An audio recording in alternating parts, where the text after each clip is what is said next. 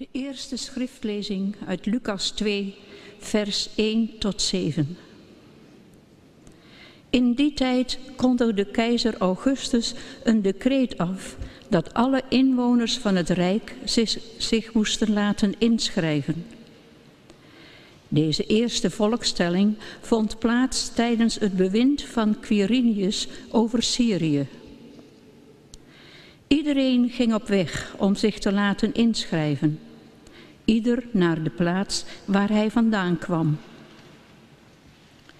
Jozef ging van de stad Nazareth in Galilea naar Judea, naar de stad van David, die Bethlehem heet, aangezien hij van David afstamde, om zich te laten inschrijven samen met Maria, zijn aanstaande vrouw die zwanger was. Terwijl ze daar waren, brak de dag van haar bevalling aan. En ze bracht een zoon ter wereld, haar eerstgeborene. Ze wikkelde hem in een doek en legde hem in een voederbak, omdat er voor hen geen plaats was in het nachtverblijf van de stad. De tweede lezing is de schriftlezing uit Lucas 2, vers 8 tot 20. Niet ver daar vandaan brachten herders de nacht door in het veld. Ze hielden de wacht bij hun kudde. Opeens stond er een engel van de Heer bij hen en werden ze omgeven door het stralende licht van de Heer, zodat ze hevig schrokken. De engel zei tegen hen, wees niet bang, want ik kom jullie goed nieuws brengen, dat het hele volk met grote vreugde zal vervullen. Vandaag is in de stad van David jullie redder geboren. Hij is de Messias, de Heer. Dit zal voor jullie het teken zijn. Jullie zullen een pasgeboren kind vinden dat in een doek gewikkeld in een voederbak ligt. En plotseling voegde zich bij de engel een groot hemels leger dat God prees met de woorden: Eer aan God in de hoogste hemel en vrede op aarde voor alle mensen die hij lief heeft. Toen de engelen waren teruggegaan naar de hemel, zeiden de herders tegen elkaar: Laten we naar Bethlehem gaan om met eigen ogen te zien wat er gebeurd is en wat de Heer ons bekend heeft gemaakt. Ze gingen meteen op weg en troffen Maria aan en Jozef en het kind dat in een voederbak lag. Toen ze het kind zagen, vertelden ze wat hun over dat kind was gezegd. Allen die het hoorden, stonden verbaasd over wat de herders tegen hen zeiden. Maar Maria bewaarde al deze woorden in haar hart en bleef erover nadenken. De herders gingen terug, terwijl ze God loofden en prezen om alles wat ze gehoord en gezien hadden, precies zoals het hun was gezegd. Lieve mensen, hier in de kerk en thuis met ons verbonden. Advent, dat is nou echt zo'n tijd van hoop. Maar misschien zeg je dit jaar wel, dat mag zo zijn, maar zoals het nu gaat, ik vind het eerlijk gezegd eerder een beetje hopeloos. Nou ja, neem Jozef en Maria. Hun situatie is ook bepaald niet geweldig, zoals ze daar onderweg zijn van Nazareth in het noorden naar Bethlehem in het centrum van het land. Dat is een fikse en gevaarlijke reis. En dat is al helemaal geen reis die je zou gaan maken als je op het punt staat om te bevallen van een kind. Maar er is een bevel gekomen. Een decreet van hoger af. En zo gaat dat dan. Nee zeggen is geen optie. En protesteren ook niet. Dan heb je je aan dat bevel over te geven en zo gaan ze op weg. In die tijd kondigde keizer Augustus een decreet aan dat alle inwoners van het Rijk zich moesten laten inschrijven. Hij heeft dus blijkbaar de regie in handen. Keizer Augustus. Die laat een bevel uitgaan en dan komt de hele wereld in beweging. Iedereen ging op weg om zich te laten inschrijven. Ieder naar de plaats waar hij vandaan kwam.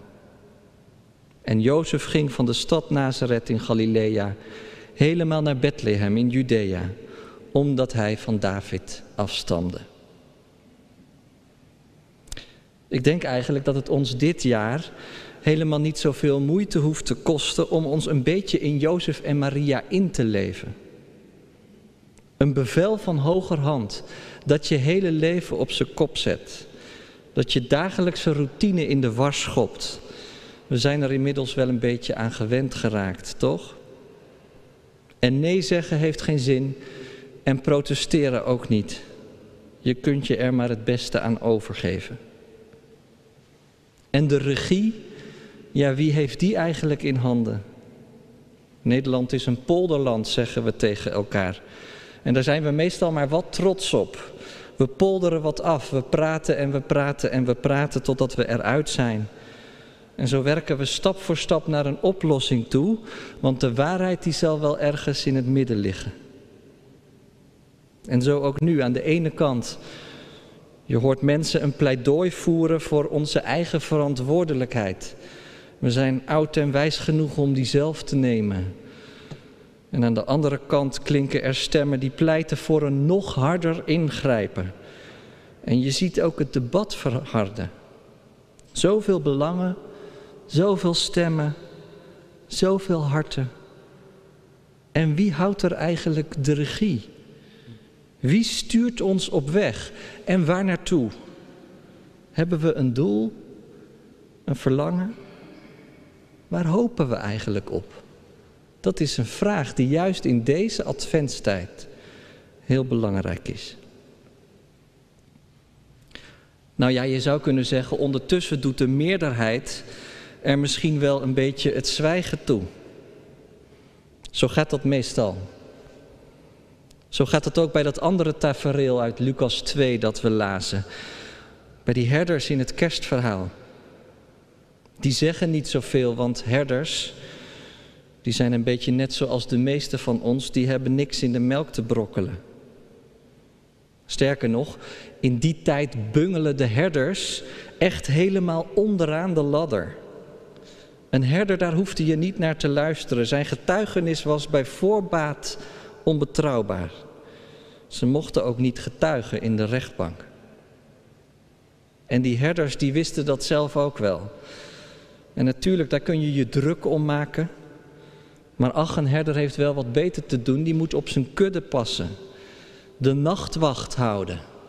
Door de nacht heen. Misschien herken je dat ook wel vanmiddag. Dat je weet dat je cirkel van invloed maar heel klein is. En dat je je daarom gewoon een beetje terugtrekt. Je kruipt maar een beetje weg bij het scherm, zoals de herders bij het vuur kropen. Het is natuurlijk niet ideaal allemaal, maar wat moet je dan? En bovendien, je kunt er lang over praten, maar je hebt ook gewoon genoeg om voor je eigen kudde te zorgen. Daar gaat in feite al je energie in zitten. Je bent blij als je het einde van de dag haalt. Misschien heb je wel een zaak met personeel en maak je je zorgen over de toekomst. Of je hebt een gezin en je hebt de grootste moeite om het allemaal tegelijkertijd draaiende te houden. Of je werkt in de zorg of in het onderwijs en je loopt al maanden op je tandvlees. Of je bent alleen en je kunt daar normaal gesproken best heel goed mee omgaan, maar het raakt je dit jaar extra hard, omdat er zoveel om je heen weggevallen is. Misschien ben je verdrietig, omdat er een geliefde van wie je heel veel hield wegviel. Misschien ben je wel boos, omdat je zoveel om je heen kapot ziet gaan. En je jezelf afvraagt, had dat nou niet anders gekund? Misschien ben je aangedaan, omdat je aanvoelt dat er juist dit jaar een aantal problemen zijn blootgelegd in onze structuren, in onze manier van samenleven die er al heel lang waren, maar die nu ineens aan de oppervlakte zijn gekomen. En zo zit iedereen met zijn eigen gedachten bij het scherm, zoals de herders rond dat vuur zaten. Maar let dan op, want ineens is er dan het licht. Totaal onverwacht dat dat niemand aanzien komen. Ineens is daar een hemelse boodschapper en die zegt nog wat ook.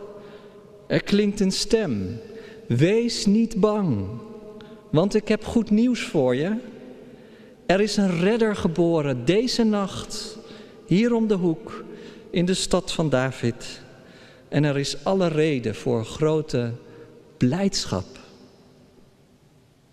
Zie je wat er gebeurt? God zelf laat in de nacht zien dat Hij de regie heeft. Je kunt misschien wel eens denken, ik ben een speelbal. Ik heb te gehoorzamen terwijl ik nauwelijks iets begrijp van de dingen. Terwijl ik eigenlijk niet weet wie nu de touwtjes in handen heeft. Maar midden in deze nacht, midden in deze verstikkende tijd, is God iets nieuws begonnen. Is de Almachtige mens geworden.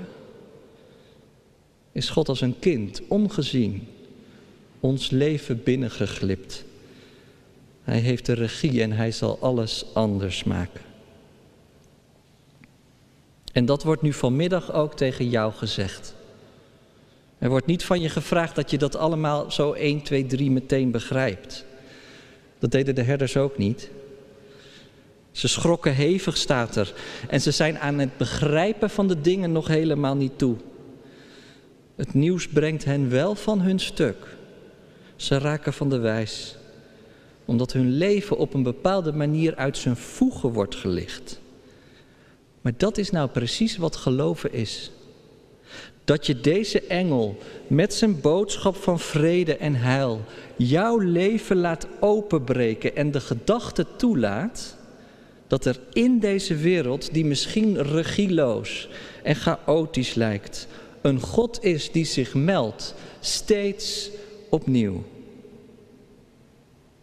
En ook dit dat er in een cultuur die misschien haar grote verhaal wel een beetje kwijt is, een stem klinkt over grote vreugde voor alle volken. Een hopeloze advent? Ik dacht het niet. Want midden in deze wereld krijgt Maria een zoon, wint hem in doeken en legt hem in een kribbe. Licht in de duisternis. Hoop voor iedereen. Amen.